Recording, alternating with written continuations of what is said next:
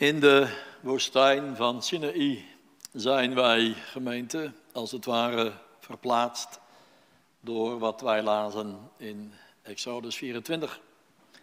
Het volk is uit Egypte geleid, bevrijd, verblijd en heeft wonderen onderweg mogen meemaken en is nu ook getuige geweest in het twintigste hoofdstuk van de wetgeving.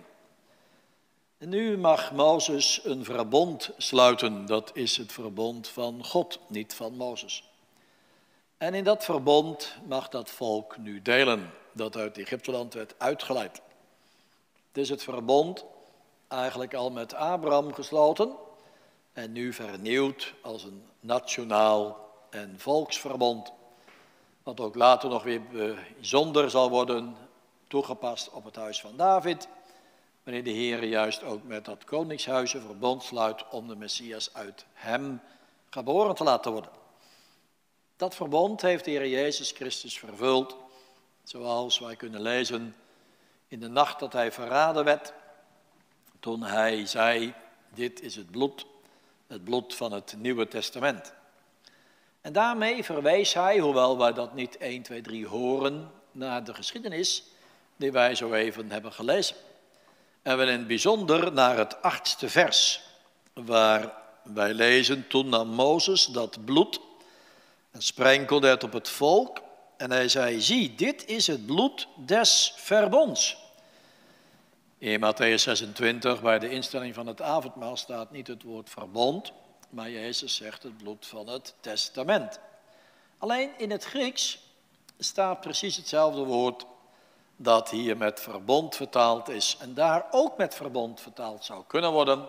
En door onze statenvertalers ook wel eens op een andere plaats zo wordt vertaald. En zij leggen ook uit in sommige kanttekeningen bij het woord testament dat het woord verbond kan worden gelezen en andersom. Dus de Heer Jezus zegt eigenlijk, dit is het bloed van het nieuwe verbond. Het vervulde verbond waar al de oud-testamentische verbondsluitingen, zoals van Abraham en ook hier, uit Exodus 24 naar verwezen. En ook later zal de apostel Paulus over het verbond hier bij de Sinaï spreken, wanneer hij het heeft in Hebreeën 9 over de waarde en de kracht, ook de noodzaak van de bloedstorting. En hij zegt ook, een verbond zonder bloedstorting, dat gebeurt niet. En daarom is ook toen het verbond op dat bloed gegrond en gesloten door die offerdienst, door het sprengen van het bloed. En zegt hij dan ook, daar is de vervulling weer van in Christus. Daarom hebben wij zo even beleidenis gedaan met artikel 35 van de Nederlandse geloofsbeleidenis, waarin het gaat over het avondmaal. En ik kan mij voorstellen dat iemand bij het lezen van Exodus 24 niet meteen een gedachte krijgt aan het avondmaal. Maar de Heer Jezus verwijst er dus bij het uitreiken van de beker met wijn en met de woorden die hij dan spreekt, toch wel naar terug. En ook hier zien wij iets van dat avondmaal als wij letten op wat op de berg mag plaatsvinden wanneer die 70 oudsten of leiders van het volk samen met Mozes en Aaron en de twee oudste zonen van Aaron mogen opklimmen en Gods aanwezigheid in majesteit mogen aanschouwen. Want dan staat er dat zij aten en dronken nadat zij de Heer gezien hadden. Of zoals ook kan worden vertaald vanuit het Hebreeuws. En zij zagen de God, God en zij aten en dronken. Dat was een eenheid. Misschien ook wel juist niet na die tijd, maar terwijl zij daar waren in de nabijheid Gods. Zoals in het Oude Testament bij een offerdienst ook vaak een maaltijd hoorde. Niet elk offer, maar toch, er waren heel wat offers waarbij een deel van het offervlees door de offeraar gegeten mocht worden. Denk maar aan de geschiedenis van Hanna en Elkana. Wanneer ook helaas de tweede vrouw van Elkana daarbij genoemd wordt. Twee vrouwen in natuurlijk, grote narigheid. Maar goed, ze zijn dan bij het heiligdom, er wordt een offer gebracht en ze mogen allen ervan eten. Zo is dat nu ook in Exodus 24. Er wordt een offer gebracht in verband met het verbond dat gesloten wordt. Het gaat over het Nieuwe Testament waar het heen wijst, wat Christus heeft vervuld met zijn bloedstorting aan het offerhout van Golgotha. Het gaat ook over de maaltijd die daarna door die apart gezette leiders mocht worden genoten. De maaltijd in de nabijheid Gods, waar we ook zo meteen nog van zullen zingen uit Psalm 63. Waar juist ook het vet wordt genoemd. In Psalm 63 gaat het over het offer, het gaat daarover verzadigd worden met het vet. Dat was juist verboden voor de oud-testamentische gelovigen of ook voor de priester. Het vet van het offerdier moest op het altaar worden gebracht, het was voor de heren. Maar de Heere belooft al in Psalm 63 als een soort profetie van de nieuw-testamentische volheid dat de gelovigen dat deel van God mogen ontvangen, zoals nu op de berg gegeten en gedronken werd. Het was als het ware goddelijke maaltijd. En deze twee elementen zijn het die we vanmiddag overdenken aan de hand van deze geschiedenis, Exodus 24. Namelijk het verbond met bloed gesloten en de godsontmoeting genadig genoten. In vers 8 vinden wij over dat verbond en dat bloed. En in vers 11 over dat aanschouwen van de Here en dat eten. Vers 8. Toen nam Mozes dat bloed en sprenkelde het op het volk. En hij zei, zie, dit is het bloed des verbonds dat de Heere met u gemaakt heeft. Over al die woorden. En dan lezen we in vers 9 dat ze de berg op gaan. In vers 10 dat ze de Heere zien. En in vers 11 dat de Heer zijn hand niet tot de afgezonderden der kinderen Israëls strekt. Dat betekent, hij doet ze geen kwaad. Hij straft ze niet, maar staat er dan, zij aten en dronken nadat zij God gezien hadden. Of, zoals je ook kunt vertalen, maar zij zagen God en aten en dronken.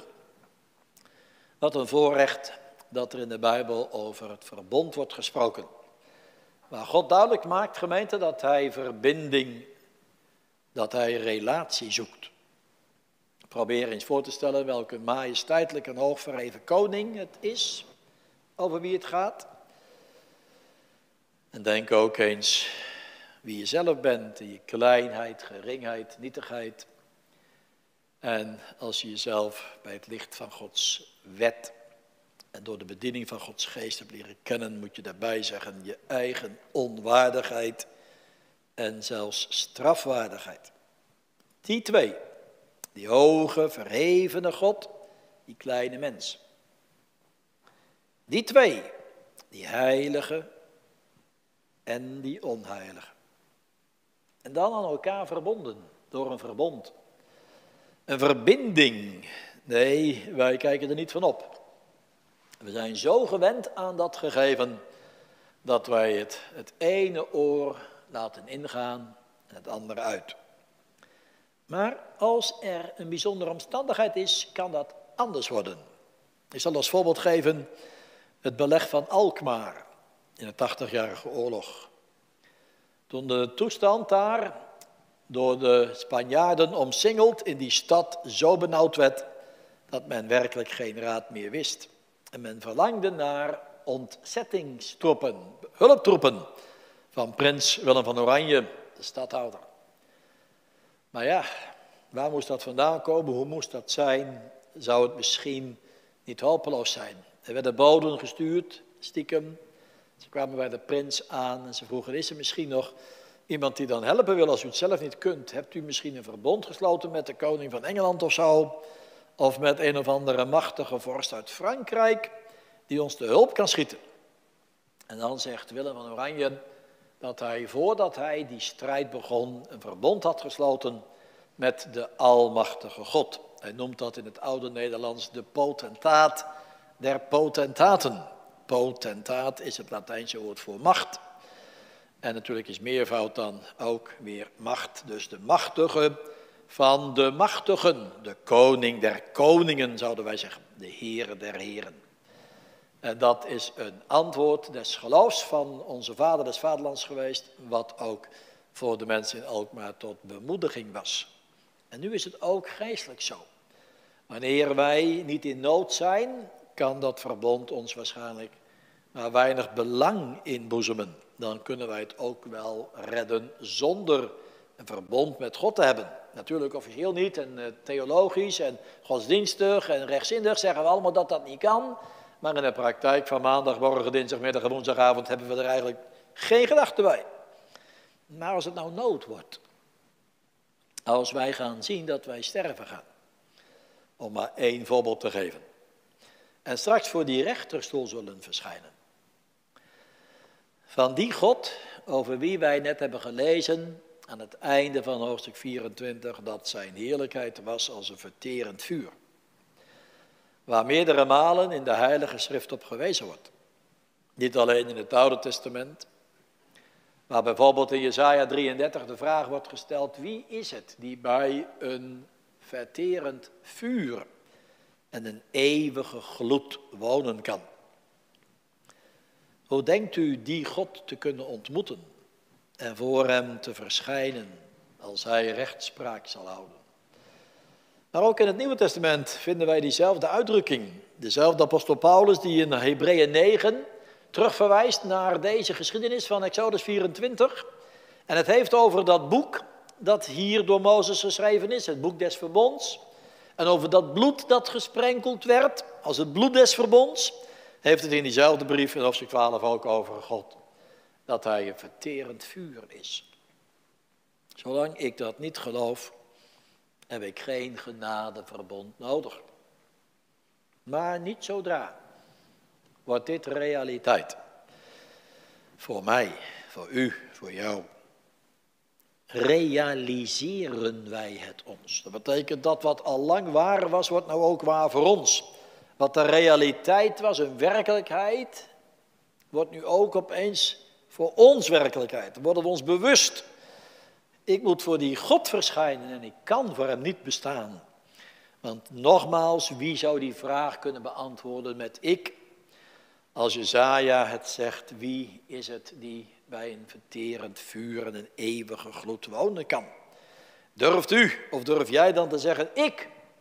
Of moeten wij dan allen benauwd worden en zeggen, Heer, als dat werkelijk waar is, dan kan ik voor u niet bestaan. Dan moet ik voor uw aangezicht vergaan, zoals een hooibaal voor een verzengende bosbrand. En er zijn nog wel andere mogelijkheden van waar het verbond nodig wordt. Als het gaat over bijvoorbeeld zonde, schuld. Maar ik wil eens van de andere kant het bekijken. Natuurlijk, er is een noodzaak van het verbond. En helaas hebben we het hard nodig dat we daarbij bepaald worden, anders gaan we eraan voorbij. Maar zouden we eens overdenken hoe arm het leven is zonder het verbond? Afgezien van de dood. Gewoon hier op aarde. En hoe rijk het leven is in de nabijheid van God, die omgang, die relatie met God. Dan alleen al, al zou er geen dood zijn, geen eeuwigheid, geen rechterstoel, geen straf. Maar hier op aarde leven met God in een verbondsrelatie. Dan alleen al moest het ons allen jaloers maken, verlangend maken ijverig doen zoeken om in dat verbond te delen. Om de inhoud van dat verbond te verstaan. Om de kracht en de zoetheid ervan te ervaren. Om de vreugde en de weldaden ervan te ontvangen. Om de vrede erin te proeven. Om die God te kennen. Want wat is er allemaal in dat verbond te krijgen? Het is de volheid van zaligheid. Het is de volheid van vergevende liefde. Het is de volheid van vaderlijke zorg en trouw. Dat alles heeft de Heer in het woord van het Oude Nieuwe Testament uitgebreid beschreven. Zodat wanneer wij op zoek gaan en ons daarin willen verdiepen, wij heel wat kunnen vinden als schatten. Zongen we het niet net? Als edelstenen als een goudader. Zoals goudzoekers of schatdelvers enzovoort op zoek zijn en het vinden wat zij zochten, na misschien wel lang zwoegen en veel inspanning of ook teleurstelling, En dan verblijd zijn met welke schatten en rijkdommen ze vinden. En verbaasd uitroepen, kijk eens, kijk eens hoe mooi, kijk eens hoeveel, kijk eens hoe. En dat is nou geestelijk ook zo. Als de Heer de ogen van je ziel opent voor de rijkdommen van het genadeverbond en je mag het eens zien. Maar ja, daar moet je wel zicht op krijgen. De waarde ervan inzien. Want als je van je verstand beroofd bent, geestelijk, en de Heer houdt de schatten van het verbond je voor, en de wereld houdt de dingen van de aarde je voor, of de duivel de genietingen van de zonde, dan kies je niet voor de rijkdom van het verbond. Dan laat je dat gewoon liggen. Dan ga je daar grof onverschillig als de wereldling, of godsdienstig gecamoufleerd, onverschillig als de kerkmens aan voorbij. En je laat het liggen om dat grote goed van deze aarde te zoeken. Dat zogenaamd zo groot is. En dat zogenaamd zo goed is. Maar waarbij je je vergist. En zo in eeuwige teleurstelling moet zeggen, Heer, waar ben ik een dwaas geweest dat ik dat leven met u heb veracht. Nu kan het ook zijn dat er bij de luisteraars, gemeenteleden, jongeren, ouderen zijn die zeggen, ja dat verbond, ik heb wel gezien dominee hoe rijk dat is. Maar als ik zie op wie ik ben, zou dat dan wel voor mij kunnen. Want u had het over God dat hij een verterend vuur is, een eeuwige gloed. U noemde het woord heilig. God is ook rechtvaardig en al die andere heerlijke eigenschappen van God die de Bijbel ons voorstelt.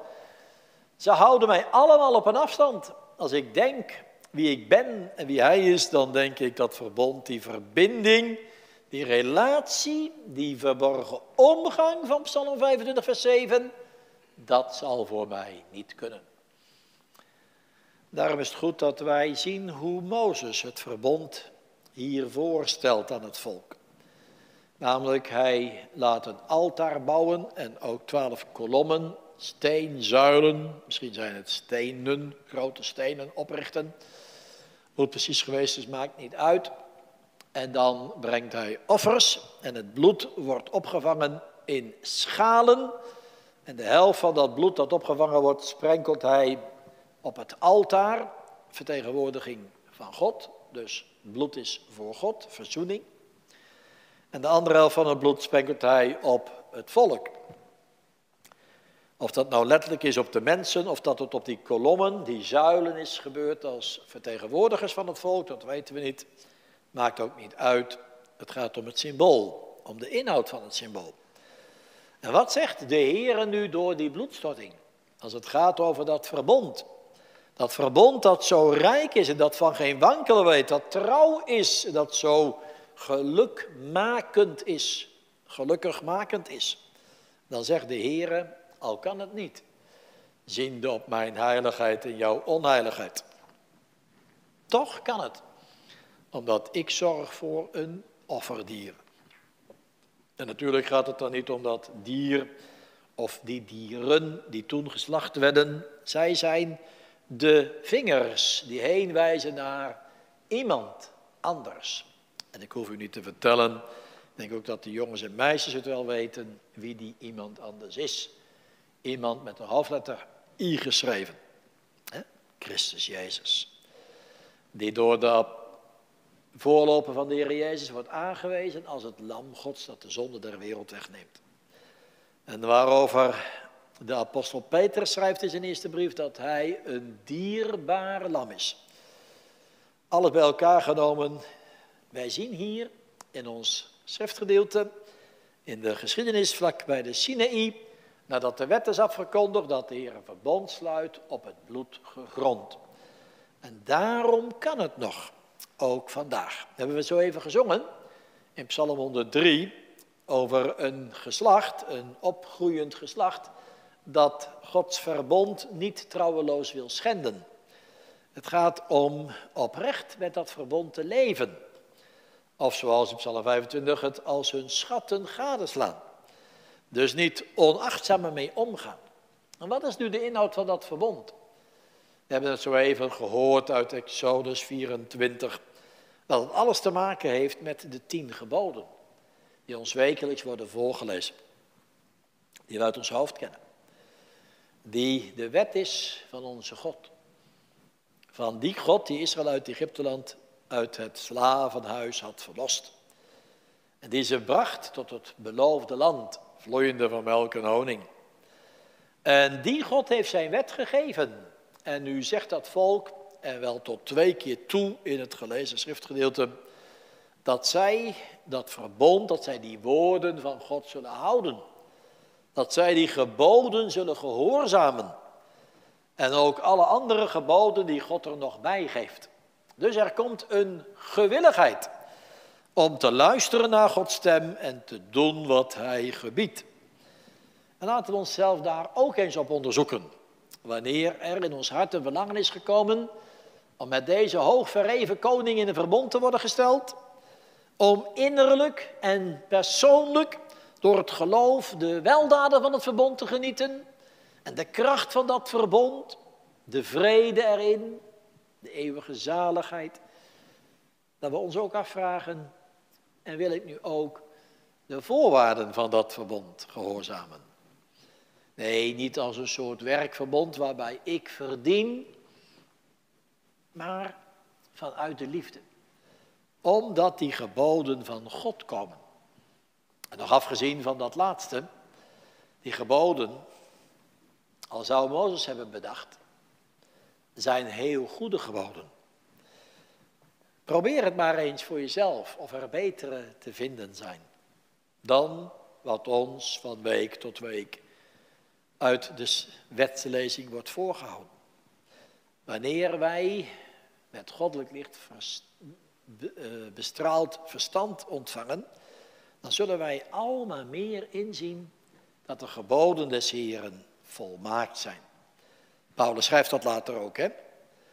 Wanneer het gaat over die wet die hem zo veroordeelt, waar hij van zo moet zeggen, ik ben een overtreder ervan. En waarom hij ook zo bedroefd is, dan geeft hij niet de schuld aan die wet, maar dan zegt hij, dat gebod is rechtvaardig en heilig en goed. Het markeert niet aan die wet. Nee, als je de geboden van God overdenkt, dan zijn het de beste geboden die er maar zijn. Dan zouden wij geen beter kunnen bedenken. Dan zouden we er ook niet één van weg willen hebben. Al wil je natuurlijk naar het vlees wel graag dat de Heer zijn wet niet zo zou hebben gegeven, maar nogmaals, met goddelijk licht bestraald zal ons verstand het erkennen. En met een nieuw hart zullen wij ook van harte het willen. Dus die geboden, hoe staan wij daar tegenover? Kunnen wij eerlijk zeggen, ik heb uw wet zo lief, zoals heel Psalm 119 steeds weer zingt op andere plaatsen de Heilige Schrift het ons duidelijk maakt. Nogmaals, niet als een wet die ons verdiensten oplevert. Omdat ik het zo goed doe, krijg ik als het ware wel recht op de hemel of maak ik mij aangenaam bij God. Nee, dat bloed getuigt van schuld, overtreding, ongehoorzaamheid. Maar die wet en wat dat volk hier ook zegt tot twee keer toe, en waar God niet van zegt dat ze het niet menen of dat het niet echt is of dat het niet goed is, maar dat gehoorzamen, dat ook willen doen wat God zegt, die twee horen samen. Dat is een twee-eenheid. Dat bloed, omdat ik de wet niet kan houden. En toch wil houden.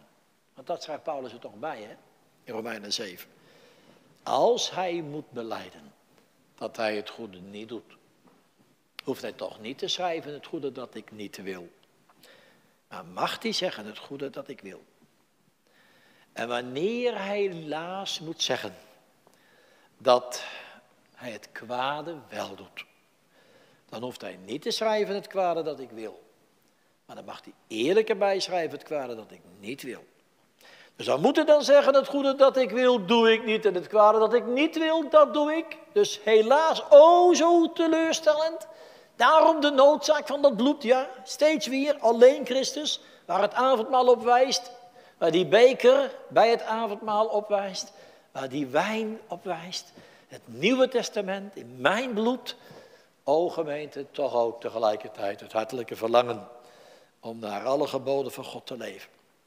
Zoals we bijvoorbeeld in de catechismus kunnen vinden, als de tien geboden zijn uitgelegd, wordt gevraagd in vraag 114, kunnen degenen die tot God bekeerd zijn, dit alles volkomen houden? En dan zegt de catechismus heel ontnuchterend, nee, maar ook de allerheiligsten, dus niet de beginnelingen, de zwakkelingen, nee, de allerheiligsten, zolang als zij in dit leven zijn, hebben maar een klein begin van deze gehoorzaamheid. Het valt dus niet mee. En toch, meteen staat er wel bij in antwoord 114, maar zo dat zij met een ernstig voornemen, niet alleen naar sommigen, maar naar alle geboden Gods beginnen te leven. Zo is dat hier nu ook in Exodus 24. De schuld vraagt om bloed. Maar dat verbond vraagt wel om inwilliging. Om een gewillige overgave en toestemming. Waarbij ik al de voorwaarden van het verbond die Christus heeft vervuld, nu ook van harte aanvaard. Heren, wilt u dat ik geen andere God voor uw aangezicht heb? Ik wil ook geen andere God. Ik heb aan u genoeg, u bent mijn genoegzaam deel, mijn goed. Zoals de Heer het ons ook door Asaf laat zeggen. Wanneer in Psalm 73 het wordt uitgeroepen, nevens u lust ik ook niets op de aarde. Heer, u bent mijn een en al. Verzadiging met uw goddelijk beeld. Hij alles. Dat is het eerste gebod. Als het gaat over dat tweede gebod, geen beelden maken, dat betekent kort samengevat God niet in je handen willen krijgen. Naar je eigen wil God voor je karretje spannen. Met een wat moeilijk woord, manipuleren. Nee, God is God en Hij mag beslissen. En ik geef mij restloos over. Dus niet ik maak het plan van mijn leven, God moet zijn handtekening zetten. Maar ik zet mijn handtekening onder een blanco papier en God mag het invullen. Heer, u bent God en ik wil u God laten. Als God aanbidden, dat betekent dat tweede gebod. En dan dat derde gebod, met diepe eerbied vervuld te zijn. Om de naam van God, wat hij over zichzelf vertelt in al zijn eigenschappen en zo, om dat ook werkelijk lief te hebben en met eerbied daarover te pijnzen, daar gelovig gebruik van te maken, daar hoog van op te geven, nooit kwaad van hem te spreken, maar alleen goed. Of ook dat vierde gebod, waarbij ik die dag die de Heere geeft, uit de opstandingskracht van Jezus Christus wens te heiligen aan zijn dienst. Heel die dag en al de dagen van mijn boze werken te rusten en de Heere door zijn geest in mij te laten werken. Zoals de catechismus het zo mooi zegt in antwoord 103. En zo kunnen we doorgaan met al die geboden. Er is een hartelijke liefde voor die wet gekomen. En het volk zegt dan ook, wij zullen doen wat u zegt. Wij zullen gehoorzamen.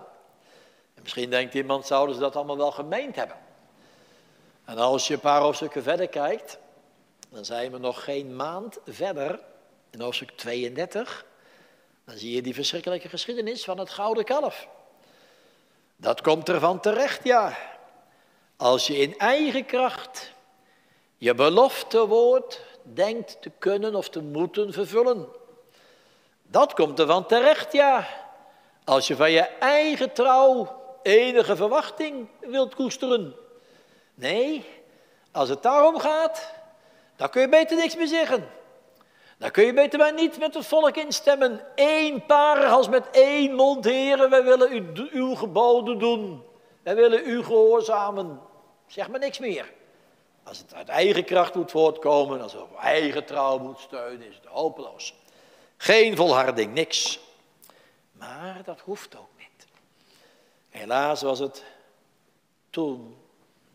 Helaas is het ook nu maar al te veel het geval. En moeten ook Gods kinderen maar al te veel keren teleurgesteld en beschaamd het beleiden. Ik heb veel te veel van mezelf verwacht.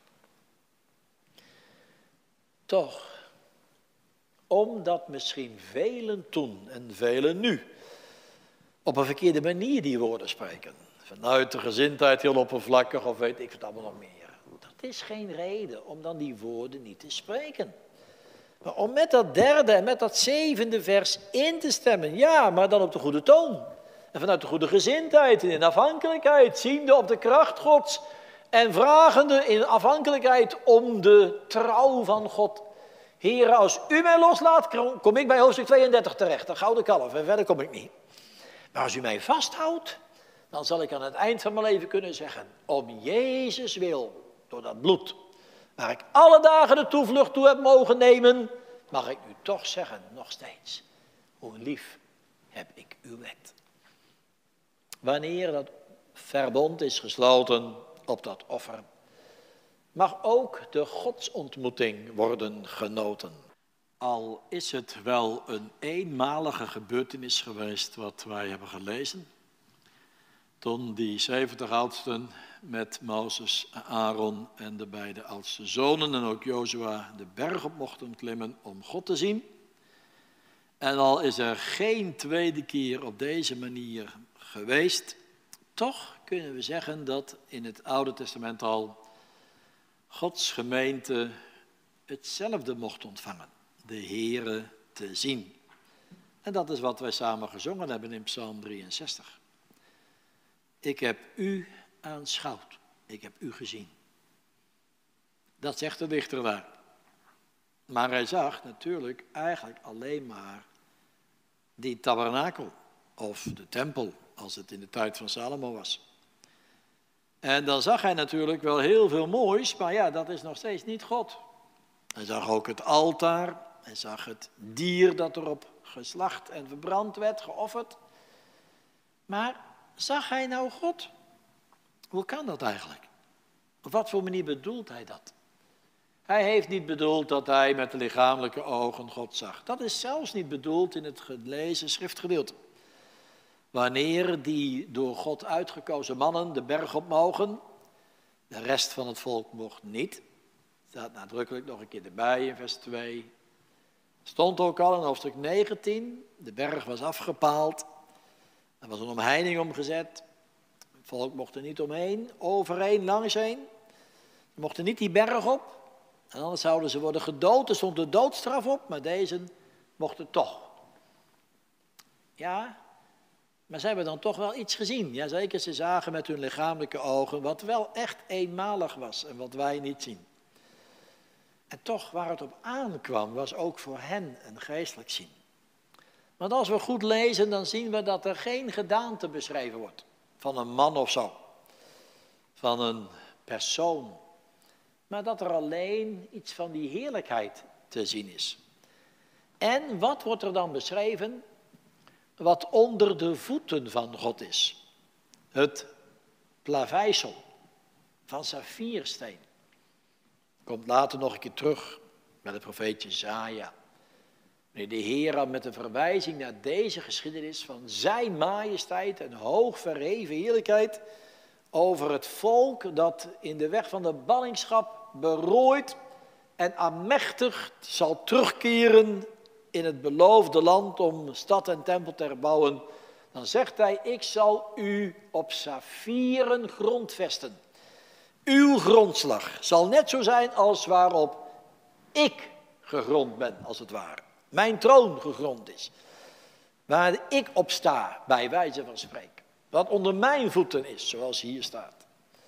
In Exodus 24. Dezelfde grondslag. Dat verbond, die trouw van God al zijn deugden, die tegen de vijanden gewapend zijn om hen te verdelgen, maar voor de vrienden, de bondgenoten, even zoveel steunsels zijn en uitnodigingen om geloof te oefenen, om God voor te loven en te prijzen. Dat is wat zij zagen. En toen, zo lazen we het al, mochten zij eten en drinken. Zij zagen de God van Israël. De God des verbonds dus. Niet de God van de Filistijnen, maar van Israël. Die dat volk had verlost, die zichzelf had bekendgemaakt. Die zijn hart had geopend. Die zijn trouw had bewezen. Abraham beloofd en nu ook vervuld. Die zijn belofte had gegeven en zou dat ook weer vervullen in de komende geslachten. die zijn zoon uiteindelijk niet heeft gespaard, maar hem heeft overgegeven, om met hem ook alle dingen aan ons te schenken. God zien, zou dat kunnen? Er was een keer een discipel, het was net na het avondmaal, die daarom vroeg, toon ons, vraagt hij aan de Heer Jezus, de Vader. En het is ons genoeg. Wat zegt de Heer Jezus dan? Wie mij gezien heeft, die heeft de Vader gezien. En waarom zeg je dan, Filippus, toon ons de Vader? Geloof je dan niet? Dat de Vader in mij is, dat ik in de Vader ben. De eenheid van het wezen van de Vader en de Zoon. Waar de middelaar een afschijnsel is van Gods majesteit en heerlijkheid. Zoals de stralen van de zon ons de zon doen zien. Zo doet Christus als de afstraling, afschijnsel van God ons God zien. In Jezus Christus, als profeet, als priester en koning. Het gaat niet om deze ogen, waar je een bril bij kunt gebruiken of een verrekijker of een loep of een microscoop. Maakt allemaal niet uit. Nee, je ziet God niet. Maar met de ogen van je ziel.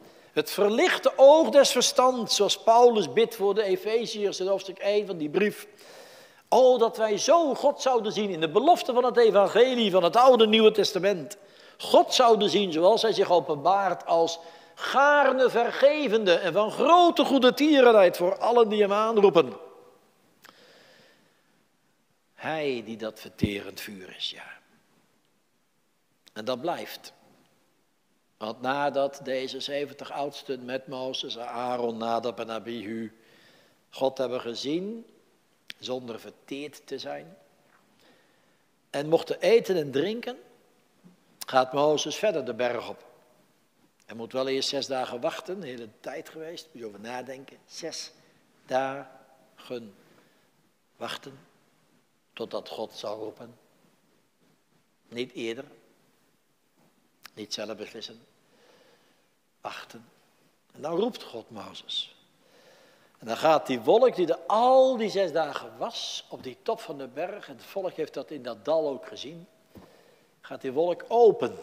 En dan zien de Israëlieten daar ook aan de voet van de berg, in die wolk die ontzagwekkende majesteit van God als een verterend vuur. En dan lezen we dat Mozes in die wolk inging, waar dat verterend vuur is. Het verteerde Mozes niet. Dus die goede tierenheid van God en dat verterende vuur, dat is niet een tegenstelling, dat is een eenheid. Voor de goddelozen die de goede tierenheid verachten, is het verterend vuur tot hun verdoemenis. Maar voor de godzaligen die de goede tierenheid achten, als hun schatten gadeslaan, is de verterende gloed van God niet tot verdoemenis. Maar de hemel is een volheid van vuur, van vurige liefde, van goddelijke liefde van brandende liefde. Is uw hart ook een volheid van liefde? Brandt het van liefde voor deze God die zijn verbond sluit, die te eten en te drinken geeft, die het avondmaal afbeeldt hoe hij zijn zoon tot het ware brood heeft gezonden, van, waarvan de Heer Jezus mag zeggen, mijn vlees is waarlijk spijs en mijn bloed is waarlijk drank. Wie dat nou eet en wie dat nou drinkt, niet met de lichamelijke mond aan het avondmaal, maar met de geestelijke mond in het geloof, die heeft het eeuwige leven en zal niet verloren gaan. Maar zegt de Heer Jezus erbij, ik zal hem opwekken ten uiterste dagen. Zo mogen wij vanuit de geschiedenis van Exodus 24, vanuit het verbond met bloed en vanuit de ontmoeting van God zo dierbaar de boodschap horen meenemen de week in. In alle omstandigheden van zwakte, ziekte, teleurstelling.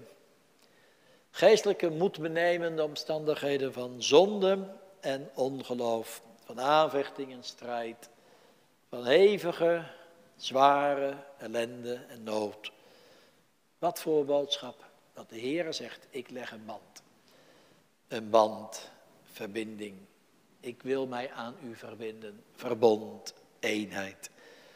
Mijn heilige wet, uw liefde. Het heilige bloed voor uw schuld.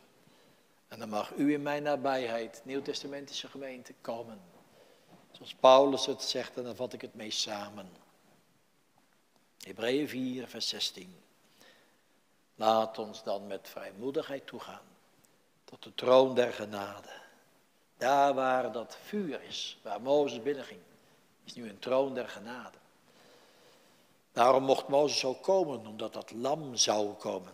Omdat dat bloed zou worden gestort. Omdat die troon er is in Christus.